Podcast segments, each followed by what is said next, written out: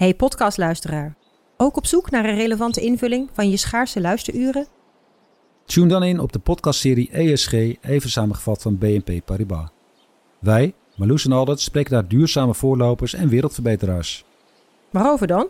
Nou, bijvoorbeeld of we ooit duurzaam kunnen gaan vliegen. En waarom koeien in de stad nou een goed idee is? Dat en meer elke twee weken in een nieuwe aflevering. Dus abonneer je. ESG, even samengevat. Al 125 jaar kwaliteit voor jou thuis met Miele. Dat vieren we met jou. Ontvang nu tijdelijk een cashback tot 125 euro op veel Miele-apparatuur. Geniet van de kwaliteit van Miele.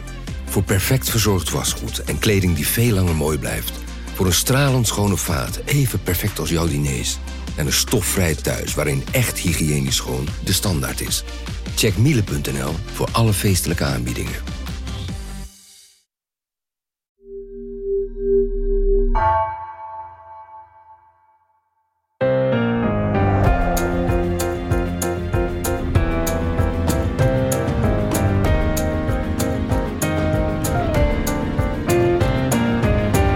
Dit is Haagse Zaken van NRC. Mijn naam is Lemia Aharor. Toen Rutte 4 begon, dat was in januari van dit jaar, bleek al snel uit het coalitieakkoord dat geld de oplossing was geweest voor politiek ingewikkelde kwesties. Klimaat een lastig onderwerp, hier een fonds van 35 miljard. Stikstof een probleem, nog een fonds, 25 miljard. Maar wat als geld of een gebrek daaraan juist het probleem wordt? En wat als een kabinet dat al jaren ja zegt tegen miljardencompensatie, aan coronasteun, aan verlaging van energiebelasting, aan verlaging van accijnzen, aan een prijsplafond voor hoge energiekosten, ineens nee moet zeggen? In deze aflevering van Haagse Zaken gaan we het hebben over geld. Over de miljarden die het kabinet uit kan geven, omdat het economische en financiële plaatje er goed uitziet. En over de eindigheid daarvan en wat ons dan te wachten staat. Bezuinigen, belastingen verhogen of, de derde optie, helaas zonder B, het allitereert niet, de staatsschuld laten oplopen. En dat doe ik met bij mij Rick Rutte en Marike Stellinga. Ik zeg zelf altijd hier achter de schermen de collega's die over zoveel financieel-economische kennis samen beschikken, dat ik altijd toch een soort behoefte voel om een rekenmachine in een van mijn zakken te stoppen voor het geval dat. Dan zullen je sparen. Uh, fijn dat jullie er allebei uh, zijn. Wij zaten hier in precies dezelfde samenstelling, precies een jaar geleden op een dag na. Want toen was net het coalitieakkoord gepresenteerd. Ja, nee, inderdaad. En toen waren Rick en ik al onder de indruk van alle miljarden die door de lucht vlogen. We hadden het, geloof ik, uh, Rutte begint met een doorgeladen bazooka vol met geld. Ja, waar ik nog een correctie later op heb gekregen dat je een bazooka blijkbaar niet kunt doorladen. Ja, nou, die maar we waren inhoudelijkheid zo, we waren, stonden wij zo, Wij stonden zo paf dat we dat even vergeten waren. Ja, ik heb die podcast die we toen opnamen wel nog teruggeluisterd. Oh, ja? Want ik was eigenlijk heel benieuwd. Hè? Misschien zagen we toen wel dingen heel anders. Maar ik was toch aangenaam verrast dat uh, we toen al op het eind concludeerden: dit kabinet gaat ongelooflijk veel geld uitgeven in een hele gekke economie. Waar economen discussiëren over of de inflatie nou tijdelijk was of structureel. Nou, dat kunnen we nu al zeggen dat uh, het uh, een langduriger probleem was. Dat die ook nog veel hoger werd. En waar we ook al waarschuwden over de rente die misschien wel zou gaan oplopen daardoor. Dus het was niet slecht. Het was niet slecht, maar het aantal miljarden is alleen maar toegenomen. Ja, ongelooflijk. En zoals we vorig jaar al toen verbaasd keken naar het coalitieakkoord, of nou ja, met verwondering, zullen we het zo zeggen, is dat eigenlijk in de loop van het jaar door de inval uh, van Rusland in Oekraïne alleen nog maar meer geworden met die miljarden.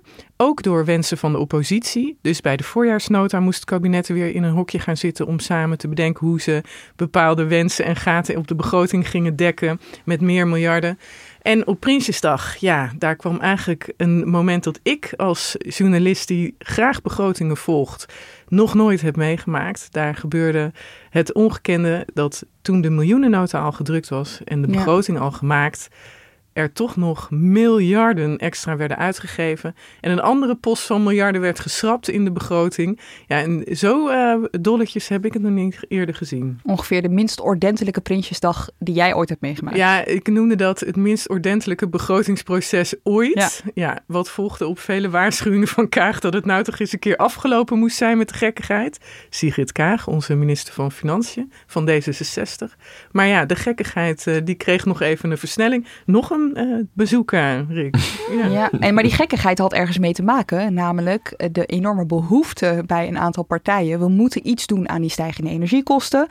De oplossing was een prijsplafond voor de energierekening dus. Rick, even memoreren, hoe zat dat ook alweer? Ja, het is goed om te bedenken dat we toen een week of twee voor Prinsjesdag, toen kregen we al een megapakket. Dat kwam niet helemaal uit de lucht vallen, want de hele zomer hoorde je al dat alles wat er tot dan toe was aangekondigd, dat zou niet genoeg zijn.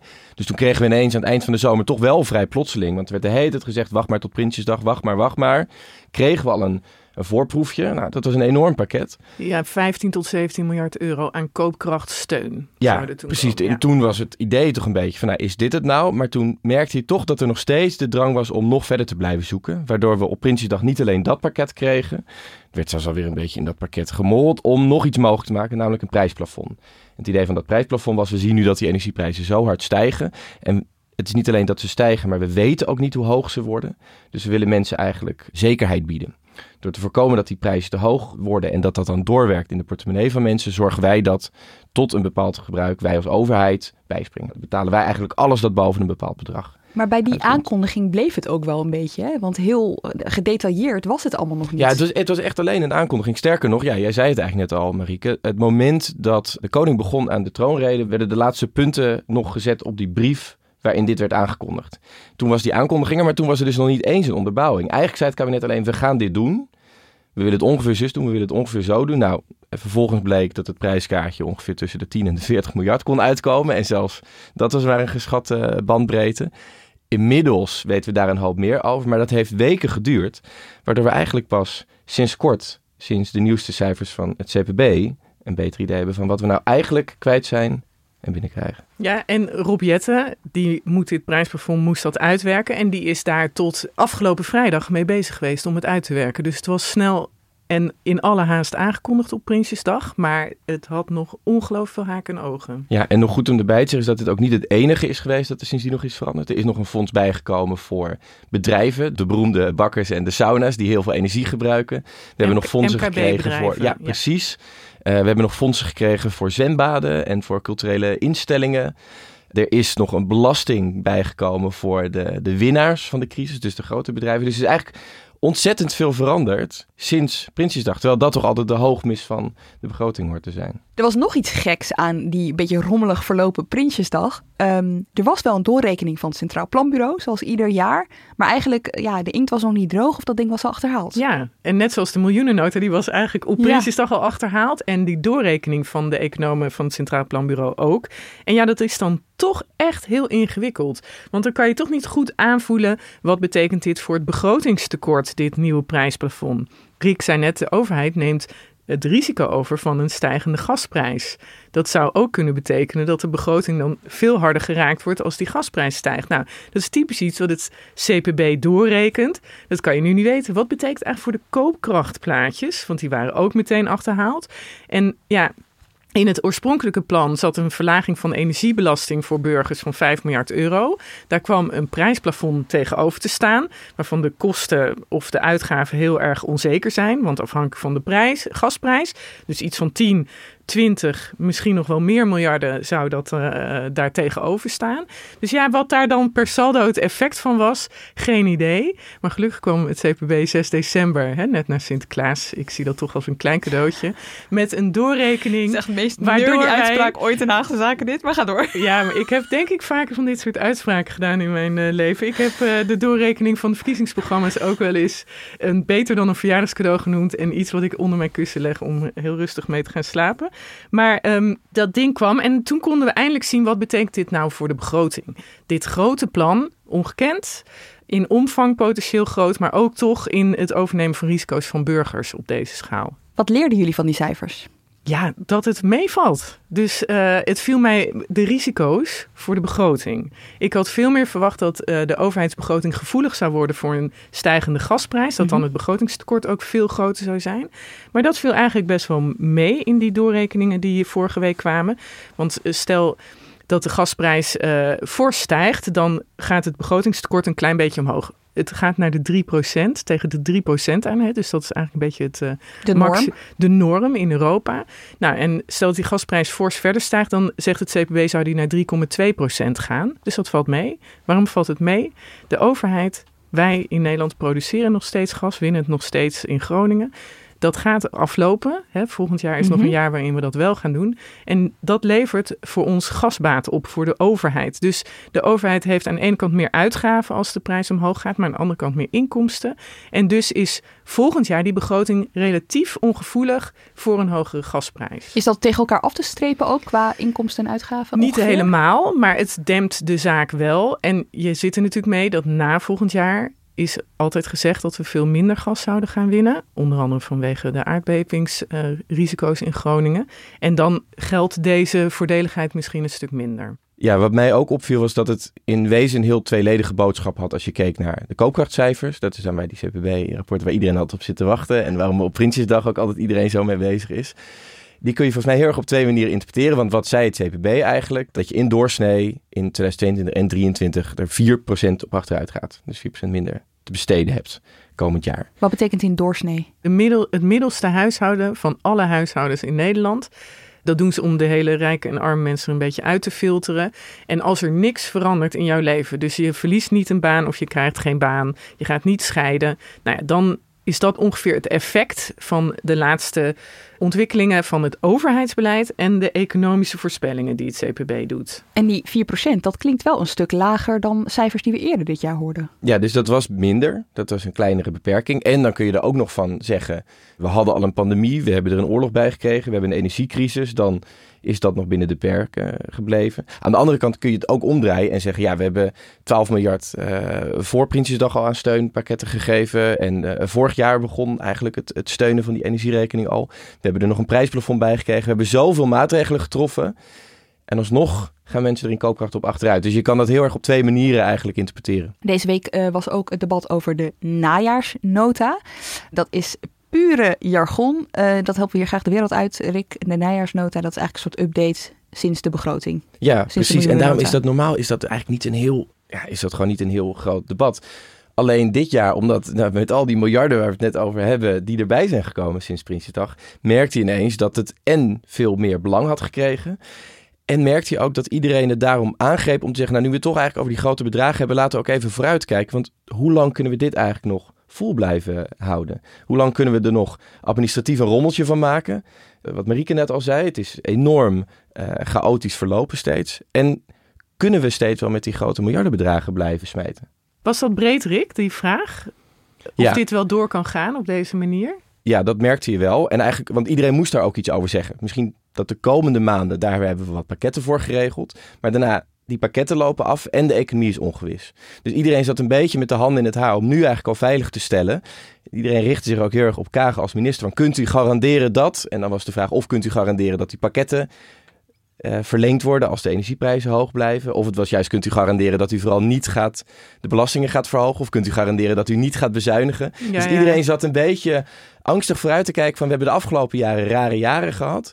Maar wat gaat er eigenlijk straks gebeuren? En Want kunt u wat- vooral ons even geruststellen Want daarover? wat mij aan de Kamer opvalt, ook het afgelopen jaar, is dat de overheid nog steeds ongekende dingen doet qua geld uitgeven. Hè, vanaf het coalitieakkoord vorig jaar, een jaar geleden. Maar dat de Kamers reactie heel vaak is, er moet meer. Dus hè, de coalitie ging al heel veel uitgeven. Ja, maar de AOW moet ook omhoog met het minimumloon. Meer uitgaven. Er moet meer geld naar defensie. Eh de kabinet besluit prijsplafond. Dat moest hoger worden dan het al was van de Kamer. Het kabinet zegt we gaan MKB steunen. Meer steun. Dus ik hoor in de Kamer zo vaak de wens vrij breed. Ja, hartstikke leuk al die miljarden, maar er moeten er nog een paar bij. Dus ik was wel benieuwd of ze dan... ja, dat, dat klopt, daar heb je gelijk in. Dat, dat gevoel is er nog steeds.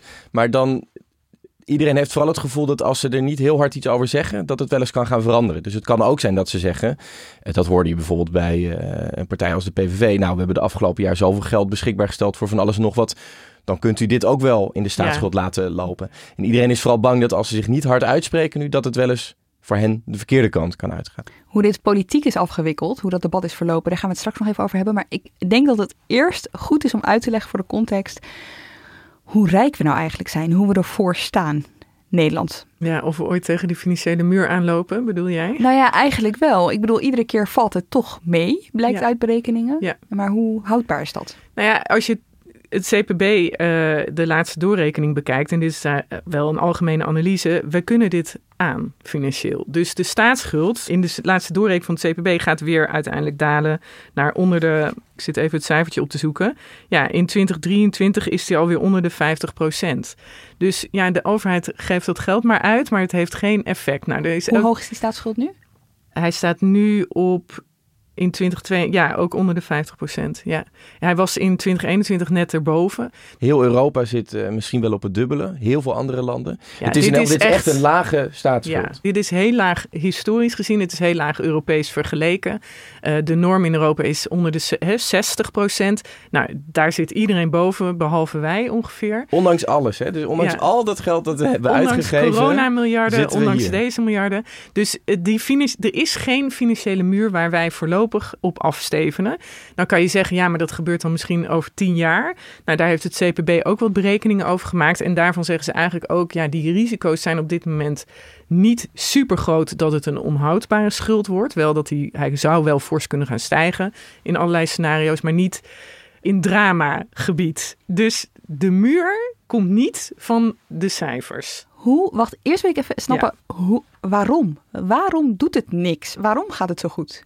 Ja, omdat uiteindelijk denk ik de Nederlandse economie echt heel hard gegroeid is uh, uh, vorig jaar en de jaren daarvoor. Hè. Dus die je meet een schuld, een staatsschuld, altijd af aan de omvang van de economie. Dat is dat percentage. Hè. Dus 60% schuld ten opzichte van de omvang van de economie.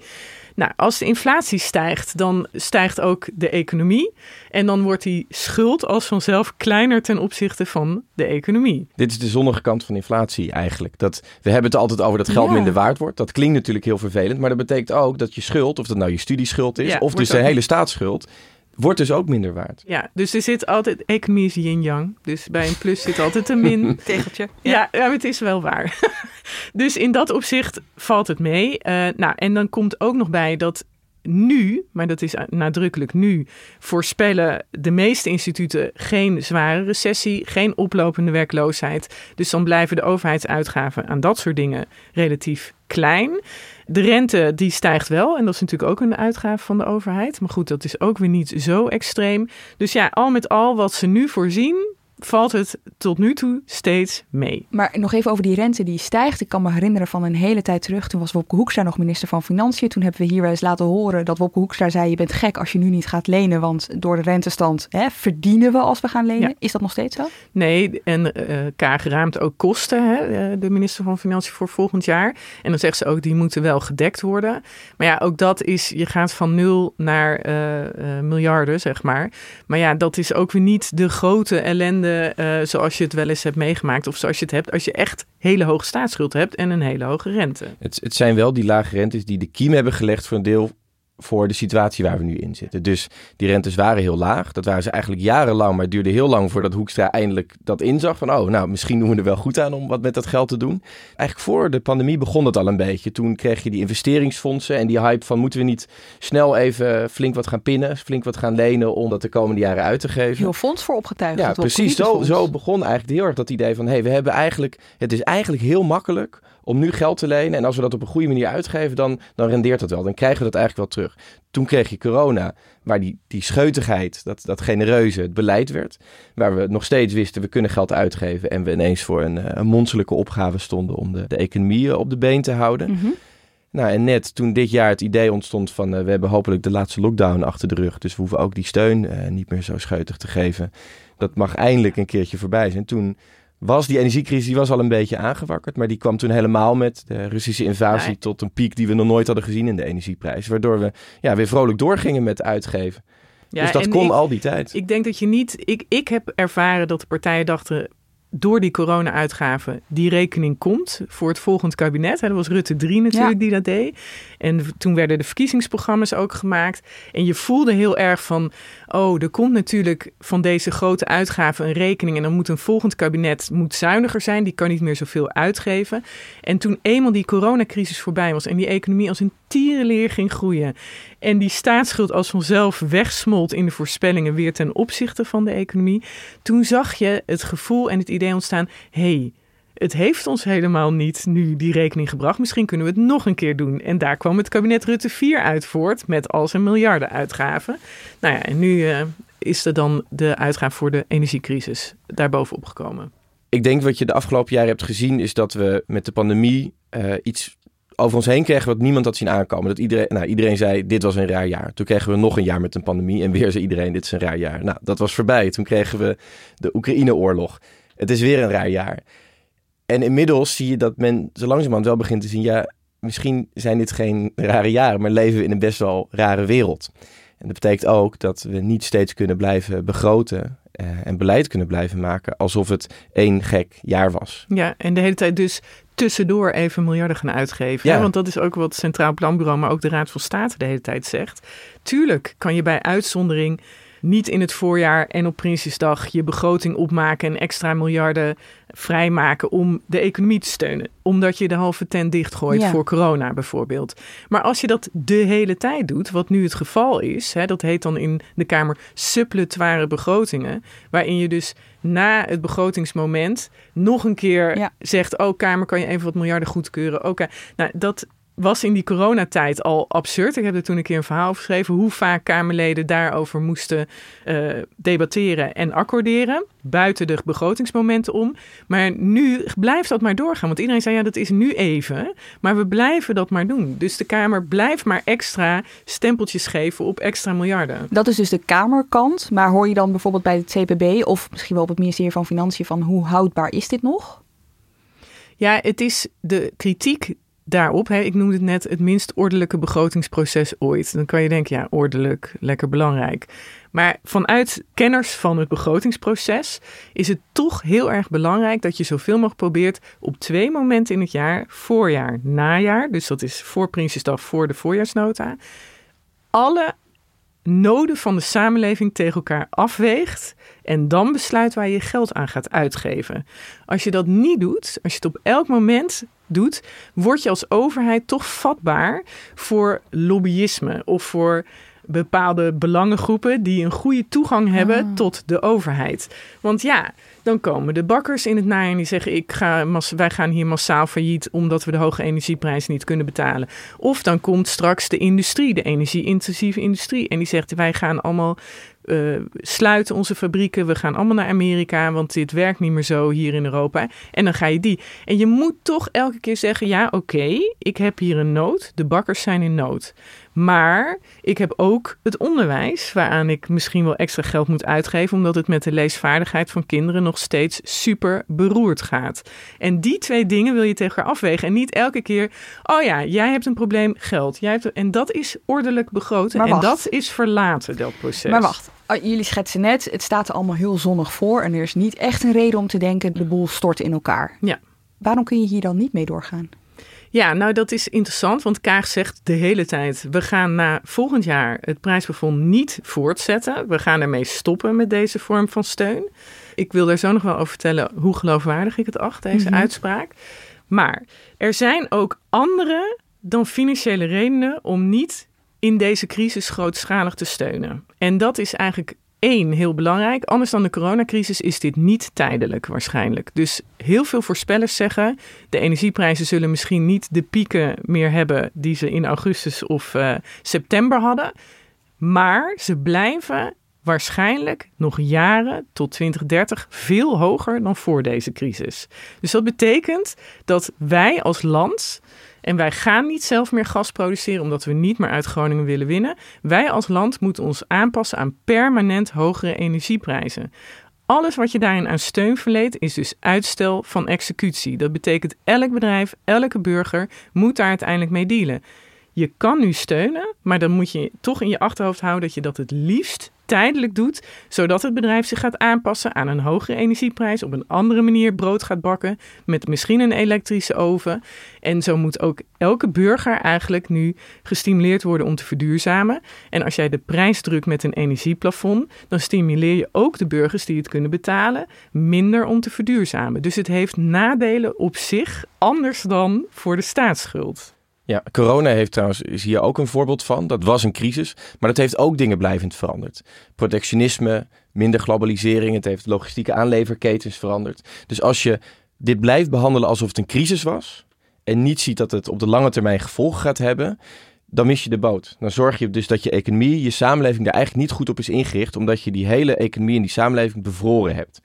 Dat was in tijden van corona was dat heel goed. Bijvoorbeeld dat we alle bedrijven even in de lucht hielden. Het is ongelooflijk. Tijdens corona gingen minder bedrijven failliet dan daarvoor. Dat is als je erover nadenkt natuurlijk bizar. En dat is niet per se een goed ding, want het is heel normaal dat bedrijven failliet gaan. Ja, het was toen goed. We zeiden toen, jullie kunnen hier niks aan doen. En de enige manier waarop we dit effectief kunnen oplossen... is dat we iedereen nu geld toeschuiven... en dat iedereen even geen belasting hoeft te betalen. Dat hou je later een keer in of je krijgt dit gewoon op je rekening. We zien het later wel. Het was op dat moment heel verstandig om even eigenlijk de markt stil te zetten. Maar uiteindelijk is die markt er wel met een reden. Uiteindelijk vinden we het niet wenselijk dat als de bakker of de slager gewoon niet genoeg broodjes en achterarm verkoopt, dan vinden we het niet wenselijk dat die bakker of die slager daar maar blijft. En dat daar mensen blijven werken die misschien ergens anders in de economie kunnen werken. Maar het is dus zeg maar aan de bedrijfskant, maar ook aan de burgerkant. Want uh, ik zit me even te bedenken, jullie schetsen nu eigenlijk, geld is niet de reden om het niet meer te willen. Het zijn andere redenen. Aan de burgerkant geldt bijvoorbeeld, burgerkant, ik heb dit woord net bedacht, maar goed. Uh, geldt bijvoorbeeld, hè, dit kabinet heeft de grootste klimaatambities. Als je aan de ene kant gaat compenseren voor hoge gasprijzen en aan de andere kant wil je van gas af, dan ben je zelf iets in stand aan het houden Ja. waar je eigenlijk vanaf wil. Nou ja, en je moet ook altijd bedenken, deze miljarden hadden ook op een andere manier ingezet kunnen worden. En bijvoorbeeld had je een heel groot deel van de Nederlandse huizen hiermee kunnen isoleren met dit geld. Dat nu gegeven wordt aan mensen die het eigenlijk niet nodig hebben, omdat zij het best kunnen betalen. Dus dat prijsplafond geldt voor elk huishouden. En het liefst, dat heeft de hele politiek, vindt dat ook, maar het lukt ze niet, zou je dat geven aan de mensen die het niet meer kunnen betalen, die echt ten onder gaan aan deze steun. Want het is een keiharde klap voor een heel groot deel van de Nederlandse bevolking, dat je daar geld aan geeft. Prima, zeer begrijpelijk. Het lukt ze niet om dat te doen, gericht, dus moet het voor iedereen. En dus verspil je eigenlijk miljarden aan mensen die zelf deze klap kunnen opvangen. Miljarden die je ook had kunnen besteden om tochtige huurhuizen te isoleren. En daardoor mensen permanent te beschermen tegen deze hogere prijzen. Dus er is altijd een opportunity cost. En bij deze steun is er nog één zeer belangrijke. Het prijsplafond is eigenlijk een subsidie die je aan burgers wil geven via de energiebedrijven. De Belastingdienst kan dit niet aan, deze hulp. Dus is het nu via de energiebedrijven gebeurd. En er zijn bij economen zeer grote zorgen dat dit de energieleveranciers eigenlijk een reden geeft om die energieprijzen hoger te maken dan nodig. En daardoor eigenlijk ja, toch de miljarden blijven plakken bij de energiebedrijven. En ik denk dat het een zeer reële zorg is. Dus steun, hè, ook al is er in staatsschuld bezien niks aan de hand. Het is niet alleen maar goed. Het heeft ook echt mogelijk reële nadelen. Ja, en ik zou er nog bij zeggen dat de reden om het dan te doen, dat wat we afgelopen maand steeds hoorden was, we moeten kiezen tussen gericht en we doen er een tijd over en eh, we kunnen iets snels doen, maar dan wordt het ongericht. Dat het eigenlijk steeds de balans uitviel naar het laatste. Ja. Steeds hoorden we weer, we moeten nu iets doen. Dat was tijdens corona ook al zo. Dat was Ja. ook tijdens deze energiecrisis al zo.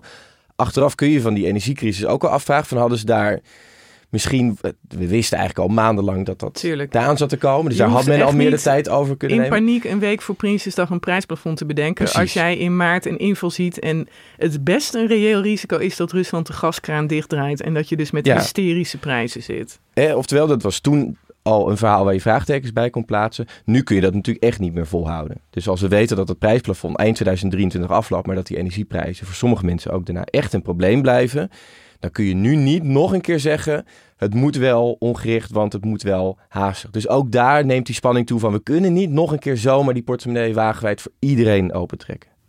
Weet je waar ik ook nog wel, ja, daar heb ik de verkeerde experts voor aan tafel, daar ben ik me van bewust, maar ik wil hem toch nog even noemen. Een soort sociologisch effect ervan bijna. Hè? Want als samenleving ga je natuurlijk ook wennen aan het feit dat de overheid er uiteindelijk altijd wel voor je is. Ik bedoel, het is de basis, hè? we leven in een verzorgingsstaat. Maar in grotere groepen en misschien dat de drempel ervoor ook aan het veranderen is van wanneer de overheid er staat voor je om te hulp te schieten. Ja, je klinkt een beetje als Mark Rutte, Lenja. Die zegt, dit Wat? ook, die, zegt dit, die zegt dit ook heel vaak als hem gevraagd wordt naar de rol van de overheid. Nee, hij zegt dan altijd, ik ben geen socioloog. Nee, dat zegt hij. Dat is, dat is zeker waar. Maar, wel iemand die vaak, die vaak zegt: Ik vind dat de staat niet een, eh, een geluksmachine moet zijn. En dat, die, eh, dat je daar niet te afhankelijk van moet worden. En ik denk dat je, daar is op een moment als dit, snap je die gedachtegang wel een Nou beetje. ja, en het is ook een economisch principe. Degene die Ja. risico neemt, moet het risico dragen. Zodra de overheid de indruk gaat wekken dat hij risico's overneemt van degene die die risico's neemt, dan krijg je een recept voor ellende. Want dan gaan mensen te risicovolle dingen doen, denken de overheid redt mij toch wel. Het principe van onze economie is een markteconomie. Daar, is altijd, daar kan je kritiek op hebben, maar het is toch ook een heel nuttig principe. Dat als jij gekke dingen gaat doen, ja, sorry, maar dat is jouw eigen probleem. En sterker nog, er zijn grote crises in het leven. Misschien zitten we wel in een tijdperk waarin er meer onzekerheid is, meer crisis zijn, meer tegenvallers. Ja, en als de overheid de indruk gaat wekken dat hij altijd voor iedereen dat allemaal opvangt, dat kan niet. Want bijvoorbeeld deze, deze energiecrisis is een verarming van onze economie, omdat we uiteindelijk toch echt minder zelf energie gaan produceren. Dus dat betekent, hè, omdat het gas in Groningen ophoudt, dat betekent dat wij een welvaartsherverdeling hebben van ons land naar de landen van wie wij energie kopen. Die min, die verarming voor het land, kan je niet wegpoetsen. Je kan hem binnen het land herverdelen, maar de min blijft staan. Dus als wij nu die voor iedereen gaan wegpoetsen, dan gaan we hem naar de toekomst duwen, naar de staatsschuld of naar latere generaties.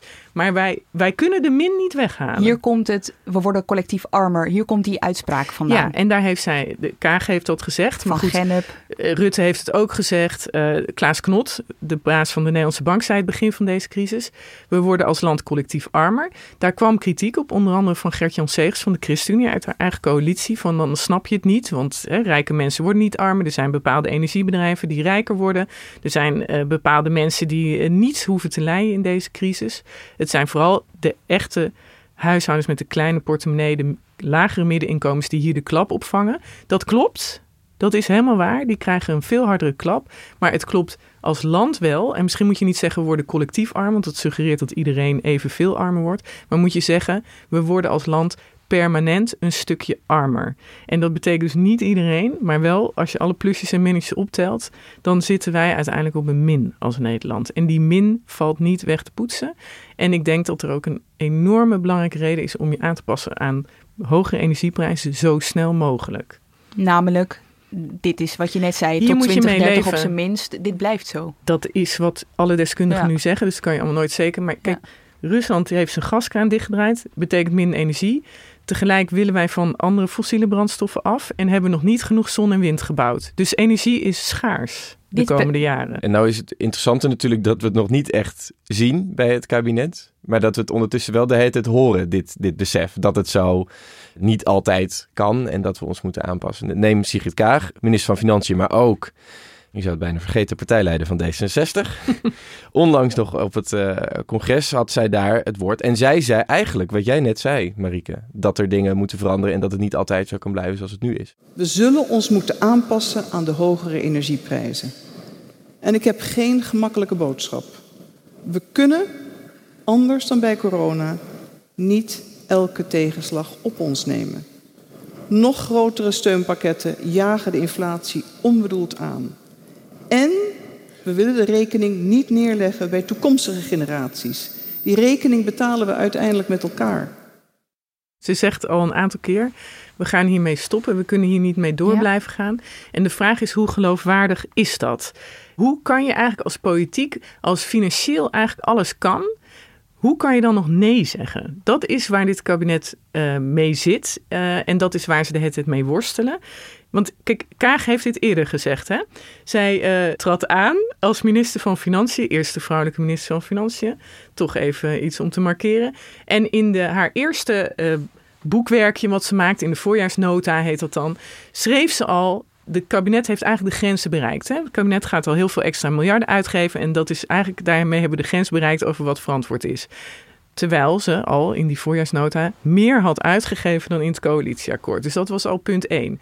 Toen kwam de miljoenennota, ook weer een boekwerk wat Kaag dan produceert. En daar stond in, ja, dit kan allemaal niet zo doorgaan. We moeten geen compensatiesamenleving worden. Dat is uh, volgens mij uh, jouw favoriete woord, Lemja.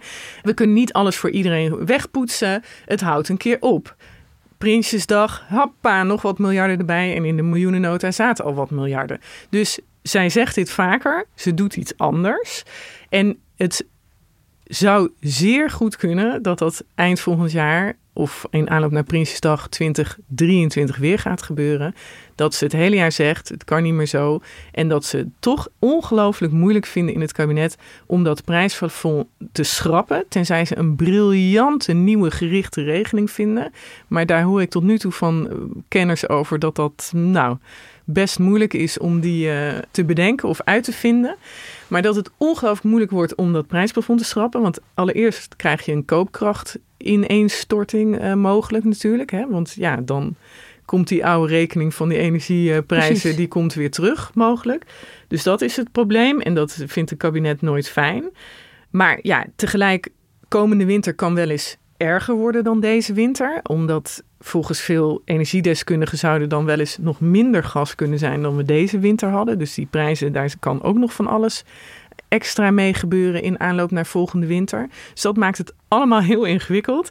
En dan hebben wij verkiezingen, ja. provinciale staatsverkiezingen in maart, waar het kabinet heeft geen meerderheid in de Eerste Kamer. Want de Eerste Kamer komt, volgt uit de provinciale staatsverkiezingen. Het kabinet heeft nu geen meerderheid in de Eerste Kamer, maar heeft daarvoor een paar partijen nodig om die meerderheid te halen. Stel dat ze nog minder zetels krijgen in de Eerste Kamer, dan zouden ze misschien wel meer partijen nodig hebben om een meerderheid te halen. En versplintering is duur. Het regeerakkoord van dit kabinet is een toonbeeld van je maakt met vier partijen een regeerakkoord. Je wil niemand pijn doen, dus moet er heel veel geld worden uitgegeven. En als er dan nog meer partijen bijkomen, dan leert het toch vaak de ervaring van de afgelopen jaren dat er dus ook meer geld wordt uitgegeven. Want het is heel moeilijk om partijen bij jou te krijgen met zes, zeven aan een tafel, zullen we maar even zeggen, zes, zeven partijen. En te zeggen, ja, maar dan gaan we jouw pijn doen met een hogere belastingdruk.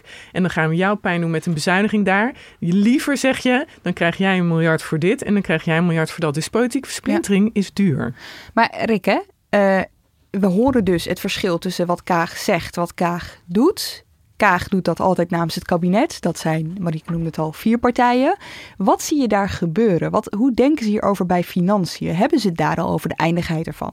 Ja, en ik denk, ik, uh, ik ben het eigenlijk met, met jij helemaal eens, Marieke. Ik wil een lichtpuntje erbij plaatsen, dat er wel iets aan het veranderen is ik denk dat je dat bijvoorbeeld dit jaar al een heel klein beetje zag in die voorjaarsnoten. Waar ja, gek genoeg Kaag dus meer geld gingen uitgeven. En tegelijkertijd zei dat de grenzen nu in beeld waren. En daarna nog meer gingen uitgeven.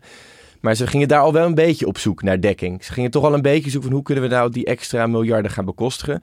De manier waarop ze dat hebben gedaan toen is trouwens heel dubieus. Door bijvoorbeeld geld uit die grote stikstof- en klimaatfondsen een beetje af te romen. Hoe kan dat? Ehm, Want die fondsen, daar zit nog geen geld in, toch? Ja, maar die, dat geld is wel gereserveerd. Dus eigenlijk zeg je wel dat geld daarvoor geparkeerd. Je hebt een spaarpotje en je verplaatst het van het ene spaarpotje naar het andere spaarpotje. Of je trekt het vast uit je spaarpotje en je gaat het nu uitgeven. Wat zag je nou de afgelopen weken gebeuren? Toen ging het dus over die energiesteun voor die ondernemers, voor die MKB'ers. Daar is uiteindelijk wel steun voor gekomen. Maar ik heb gehoord dat in het kabinet de aanvankelijke reactie bij sommigen al was: gooi er maar veel meer geld tegenaan. Hè, hebben we niet belastinguitstel gegeven aan alle ondernemers tijdens uh, corona? Moeten we niet nog een keer zo doen? Ja, dat heeft, uh, we krijgen daar 7 miljard euro kunnen we naar fluiten. Dat krijgen we nooit meer terug. Maar het is crisis, dus laten we dat maar doen. En ik kreeg te horen dat de mensen die dit deden, dat dat ook vooral de mensen waren die een grote rol hadden gespeeld tijdens uh, de coronacrisis binnen het kabinet. Dus dat die mensen eigenlijk met diezelfde uh, gedachtegang van toen dat nu weer wilden doen.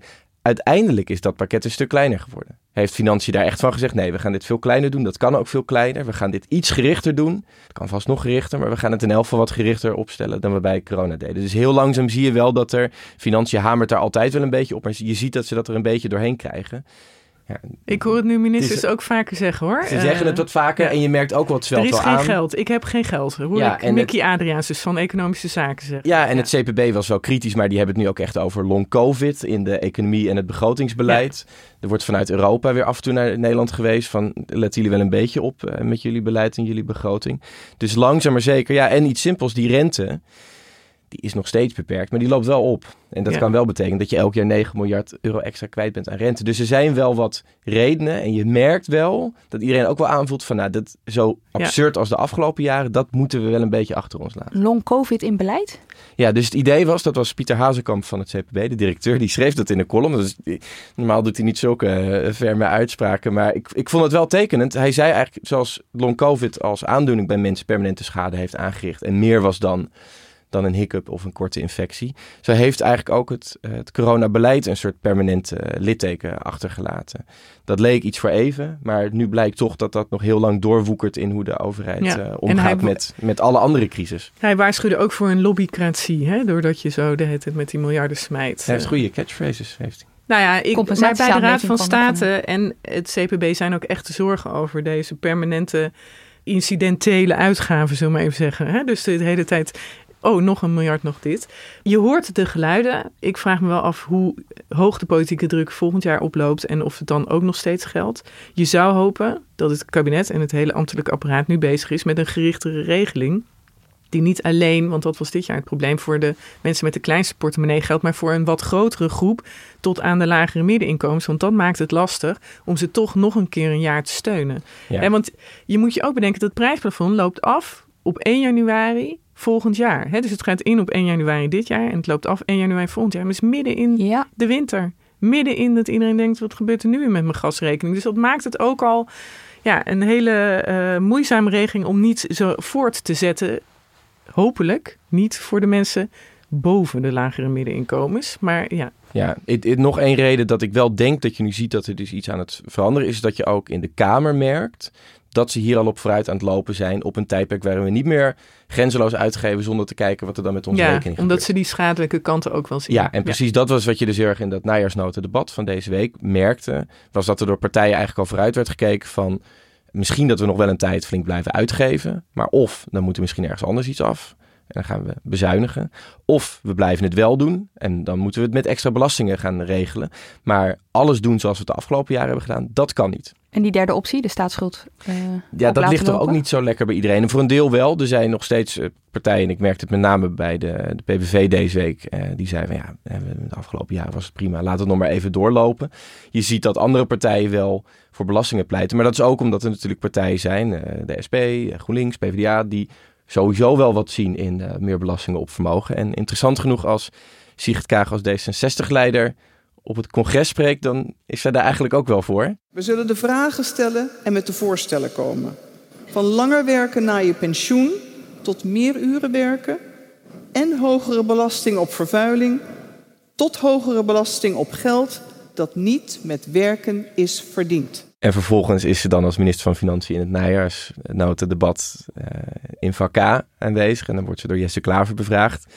En dan kan ze dus niet diezelfde woorden herhalen, omdat ze daar als minister van Financiën staat namens een kabinet met een coalitie die daar niet helemaal hetzelfde over denkt. Ja, vooral de VVD, hè? En daarom denk ik dat het juist goed is als de minister van Financiën aangeeft... bezuinigingen, die zijn helemaal geen optie voor de komende tijd... gelet op welke scenario's dan ook. Wat wel speelt natuurlijk zijn eventuele lastenverzwaringen.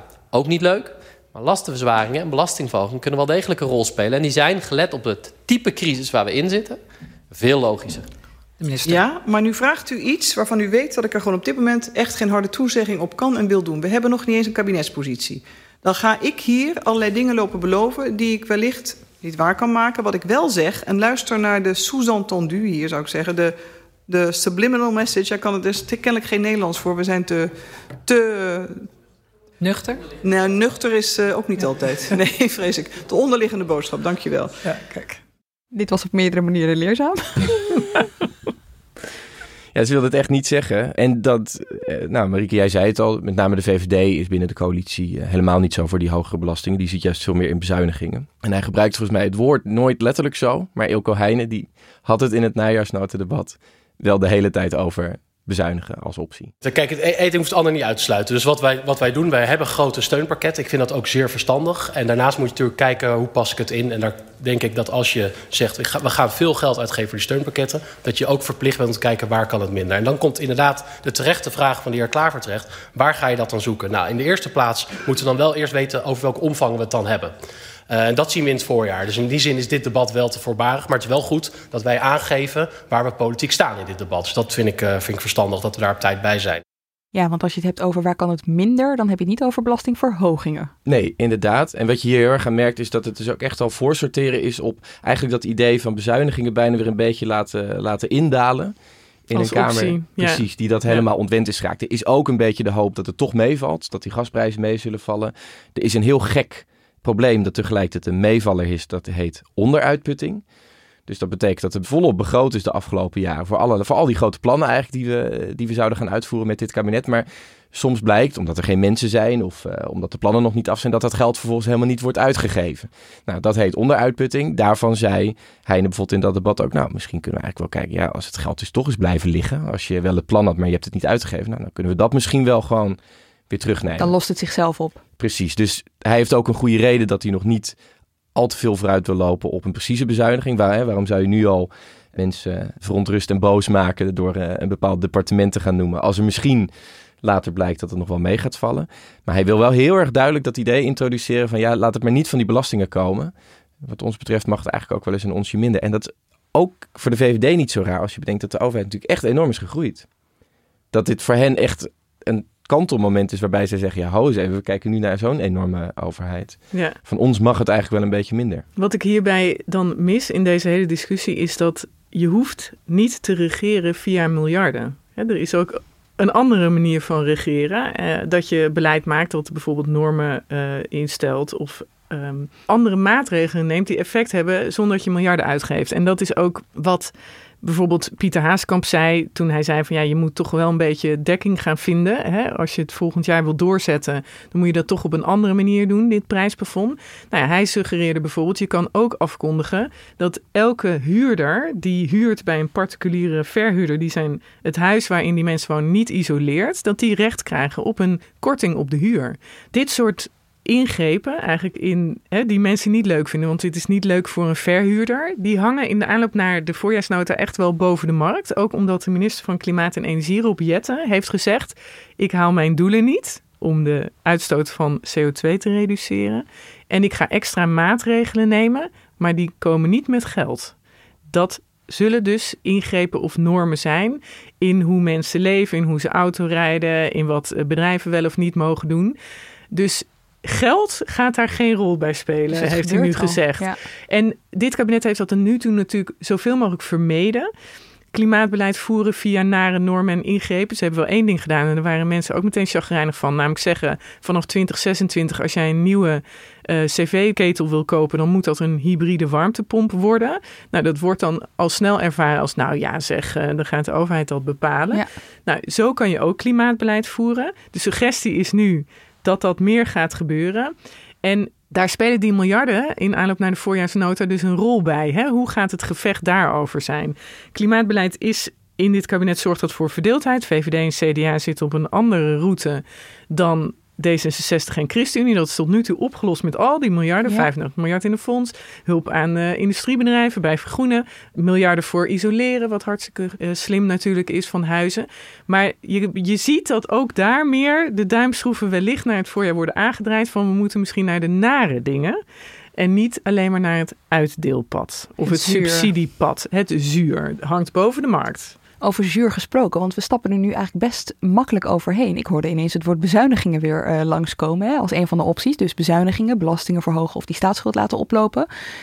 Bezuinigingen, daar hebben we het hier wel eens over gehad, eh Marieke. Daar is een soort eh, collectief trauma na de crisis in 2008. En Ja. hoeveel er toen is bezuinigd. Ja, daar is toen, ik noem het altijd gesaneerd, want er zijn ook heel veel belastingen verhoogd, maar er is ook heel veel gesneden. En Ik met- bedoel overigens een politiek trauma. En niet, niet- ja, een politiek trauma. Ja, maar ook economen. Er is ook economisch veel kritiek op geweest. En er zijn ook best wel veel economen en economische instituten die later hebben gezegd dat was misschien ook te veel. Hè? Dat vonden we toen wel een goed idee, een deel van de economen, maar later was het toch te veel. En dat en heeft te de veel overheid. je, het heeft dingen kapot gemaakt. Het heeft dingen Ja. kapot gemaakt. In de overheid is tot eh, het bot gesneden. De rekenkamer heeft er ook al van een paar keer van con- geconstateerd. De overheid kan niet doen wat ze wil. Nu wil de overheid meer uitgeven. Maar die mensen zijn ontslagen. Ruimtelijke ordening, dat kunnen we helemaal niet. Willen we nu weer wel. Nou, dus daar is een trauma over. De vraag is wel bezuinigingen in de zwaarte van toen. Ja, dat lijkt me met deze financiële cijfers, een staatsschuld onder 60 lijkt me een hele verre stap nog. we hebben het net over, komt het kabinet eind volgend jaar in een pikkel, hè? dus in een uh, situatie waarin ze denken, wij willen toch dat prijsplafond verlengen. Die, nou wat zal het zijn, 10, 20 miljard euro die we daaraan uitgeven. Ja, bezuinigen is weer de andere kant van het verhaal. En of we daar echt in terechtkomen, weet ik niet. Maar je zou op sommige dingen zou je minder kunnen uitgeven. Dus je zou zo'n klimaatfonds, is nu 35 miljard, zou ook misschien 25 miljard kunnen zijn. En het kan soms heel snel gaan. Dat is denk ik wel goed om, uh, om te bedenken. Ik moet een beetje denken aan uh, het woord Zeitenwende, dat wel langskwam toen het ging uh, in Duitsland, inderdaad, ja. Scholz, over de Russische inval in Oekraïne en hoe Duitsland ineens een militaire kanteling doormaakt en zei, wacht, we gaan dit toch serieus nemen. Zo'n soort Zeitenwende zie je soms gewoon gebeuren. Dat heel snel het denken daarover omslaat. In het Verenigd Koninkrijk kregen we een paar maanden geleden een ja. regering die een gigantisch begrotingstekort presenteerde lagere belastingen en heel veel extra uitgeven. De markten werden boos en binnen no time stonden de kranten vol met, uh, met conservatieven en met economen die zeiden nee, de tijd is nu aangebroken om heel veel te gaan bezuinigen. Dus nu dat gaat idee... de econoom in mij ook protesteren, want wat natuurlijk in de Nederlandse kabinetten de hele tijd doen. En wat echt slecht is, is mee bezuinigen of uitgeven met de op- en neergang van de economie. Dus als de economie groeit, gaan we heel veel meer uitgeven mhm. als overheid. Als de economie krimpt, gaan we bezuinigen. Dat is precies niet wat de overheid moet doen. Het moet andersom. Als de economie hard groeit, moet de overheid gewoon een beetje normaal blijven doen. Tenzij je zegt, we hebben een klimaatprobleem en dat moet nou eenmaal opgelost. En daar hebben we langjarige uitgaven voor nodig, tot je dienst. Maar als de economie krimpt, moet je niet als een gek gaan bezuinigen en belasting verhogen. Want dan geef je iemand die al op de grond ligt nog even een trap na, namelijk de economie. Dus ik hoop niet dat we in die zin meteen weer in een andere uh, mindset komen. Maar dat het misschien met een miljarden hier en een miljarden daar wat minder kan. Nou, en dit is, dit is iets collectiefs. Als je kijkt naar tien jaar geleden, naar die bezuinigings mindset, om het zo te noemen, die sloeg echt overal toe. Dus ook de SP was aan het pochen hoeveel zij gingen bezuinigen. En dat is wat ik maar wil zeggen. Van het zou zomaar kunnen dat als ineens dat idee neerdaalt. Ja. Nou, uh, omdat het even wat minder gaat. Dat ineens heel veel partijen, precies zoals Marieke zegt, weer achter dat idee Zover is het nog niet. Want ik zag uh, deze week een uh, interview van Adje Kuiken van de PvdA en Jesse Klaver van GroenLinks. Nu nog nodig om het kabinet te, op de coalitie te helpen en de meerderheid in de Eerste Kamer. Die zeiden al bezuinigen. Nou, dan kun je onze steun wel vergeten. En toen dacht ik, oké, dit is een politieke uitspraak. Maar speelt bezuinigen dan echt al zo'n grote rol in de Kamer? Of hoor je dit gewoon een beetje zo in de wandelgang van dit zijn de drie opties? En ze willen er heel erg op vooruitlopen. Ja. Pakketpaaltjes. Dus er, is, er zijn grote uitgaven, daar moet dekking voor gevonden worden. Dekking bestaat er op drie manieren, heb je nu al een paar keer gezegd. Maar goed, laten we eens even buiten de staatsschuld houden. Dan heb je bezuinigen of belasting verhogen. Nou, rechts wil niet belasting verhogen, links wil niet bezuinigen. Ja, dat is wat ze niet willen, maar is het aan de orde? Ja, nou ja, als het kabinet wil dat het gedekt wordt, dan moet daar een politieke oplossing voor komen. Ja. En als het dus aan PvdA en GroenLinks ligt, want ze gaan we dat interview, ze waren er ook, uh, Kuiken en Klaver waren deze week, die voerden het woord tijdens het debat over de najaarsnoten. Dus er stonden verder alleen maar financieel woordvoerders. Zij hadden echt als fractieleiders, als partijleiders gezegd, nee, dit, dit willen hmm. wij doen, want dit vinden wij heel belangrijk, om dat echt even te markeren. Zij willen natuurlijk juist dat er geld bij blijft komen. Ze hadden de hele tijd, dat, dat is goed afgestemd, ze hadden het over een koopkrachtravijn. Voor ons is helder, voor de Partij van de Arbeid en GroenLinks geldt... dat wij niet akkoord zullen gaan met bezuinigingen die die koopkracht juist uh, raken. En we lopen inderdaad op een koopkrachtravijn af. Daarom is het ook belangrijk om nu al vooruit te zien. Niet te wachten uh, tot het voorjaar. Daar zal ik het debat ook met minister Kaag verder op voeren. Uh, maar daarna zijn natuurlijk veel meer structurele maatregelen nodig, omdat we juist nu te veel incidenteel doen. Dan zit je in minimumloon, zit je op hogere belastingen, zit je op vermogen. En dat vraagt echt een fundamenteel debat. Maar ik zie een duidelijk verschil. Uh, en dat zijn mijn ankerpunten. Dat dreigt als dus al die steunpakketten over een jaar aflopen. Maar misschien die prijzen nog hoog zijn, mensen nog steeds met inflatie en andere problemen zitten. Dus als je dat verhaal wil uitleggen, dat er geld bij moet blijven gaan en dat er dus extra belastingen bij moeten komen, dan ga je ook heel erg afzetten tegen het alternatief, namelijk om juist op andere plekken te gaan bezuinigen. Die strijd, die tweedeling, die zie je ook daar weer, uh, die zie je weer groeien. Ja, en ik heb laatst, en dat is misschien een stichtelijke boodschap voor de luisteraars op het eind, maar ik heb laatste keer een column geschreven, de vechteconomie. Kijk, tot nu toe heb je jaren eigenlijk gehad dat je het verhaal kon houden: iedereen wordt hier beter van. De economie groeit en we worden allemaal beter van. De Nederlandse economie loopt op allerlei fronten tegen grenzen aan. Nou, stikstof is eentje die jullie hier natuurlijk in haar zaak vaak hebben besproken. Hè? Tegen de grenzen van de natuur. Daar moet wat minder. Klimaat tegen de grenzen van uh, de aarde en de de opwarming van de aarde, maar ook tegen de grenzen in de zin van de Nederlandse economie, daar een deel van is gebouwd op goedkope energie uit Groningen, goedkoop gas uit Groningen. Een deel van de industrie, de glastuinbouw. En een deel van onze economie is gebouwd op goedkope handen. En dan heb ik het vooral over arbeidsmigranten, maar ook flexwerkers aan de onderkant van de arbeidsmarkt. En je ziet aan alles dat die twee goedkope productiefactoren, om het zo maar even oneerbiedig te noemen als ik het over mensen heb, maar ook over energie, die worden duurder. En de kans is echt heel groot dat dat heel lang duurder wordt en dat dat dus een pijn gaat doen bij een deel van de bedrijven die dit misschien niet gaan overleven. Dan gaan we de hele tijd glastuinbouwers of andere delen van de industrie horen die zeggen: Wij gaan ten onder, we kunnen dit niet hm. aan. U moet mij helpen, u moet me steunen. En dan zegt de econoom heel streng: Nee, je kan misschien tijdelijk aanpassing steunen. Ook dat is de vraag. Maar jullie, deze delen van de economie, zullen zich moeten aanpassen aan deze hogere productiefactoren. Handen. En waarom zeg ik die arbeidsmigranten?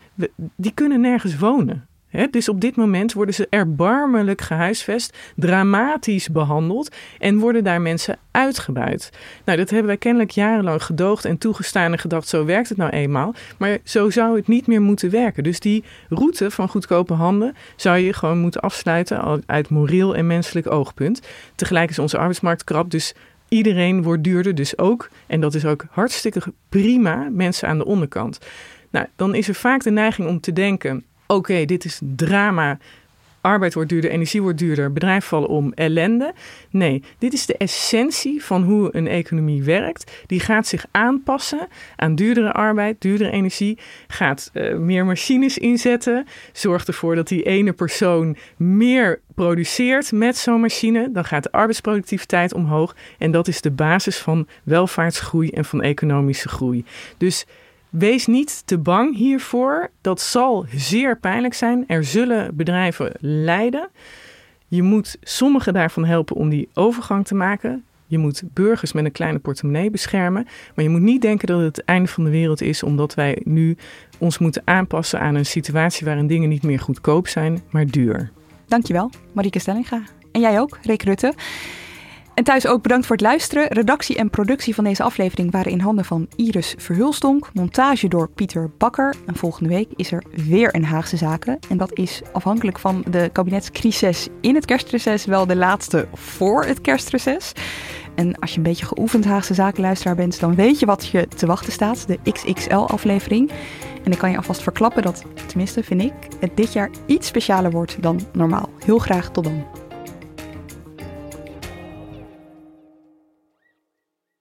Technologie lijkt tegenwoordig het antwoord op iedere uitdaging. Bij PwC zien we dit anders. Als we de potentie van technologie willen benutten, kunnen we niet zonder een menselijk perspectief. Human-led, tech-powered noemen we dat. Ga naar pwc.nl.